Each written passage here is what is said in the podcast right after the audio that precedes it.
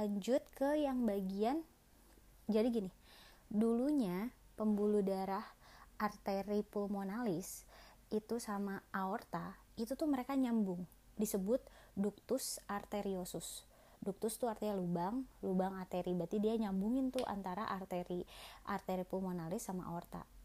Nah dia itu harusnya sesaat set, setelah jadi dia tuh nyambung karena apa? Karena dulu itu kan uh, fetal itu sirkulasinya itu kan menyatu dengan ibu lewat plasenta kan. Jadi dia tuh kayak nyambung gitu loh.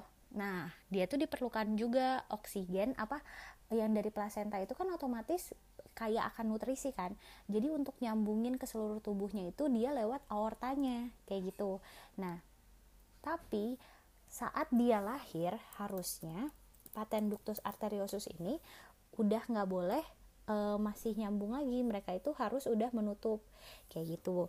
Itu 10 sampai 15 jam setelah lahir.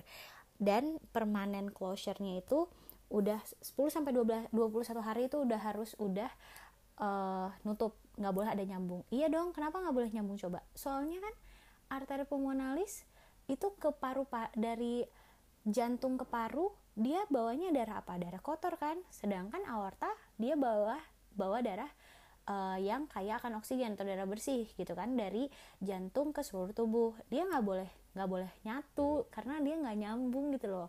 Jadi mereka memutuskan untuk putus. Nah kalau misalnya mereka masih tetap nyambung itu disebutnya PDE paten ductus arteriosus. Biru apa enggak chip coba logikanya. Tekanan aorta sama tekanan arteri pulmonalis besaran mana?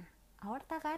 Jadi aor darah dari aortanya nanti nyampur deh ke arteri pulmonalis dan dia jadinya nggak biru. Soalnya kan darah aortanya yang bersih gitu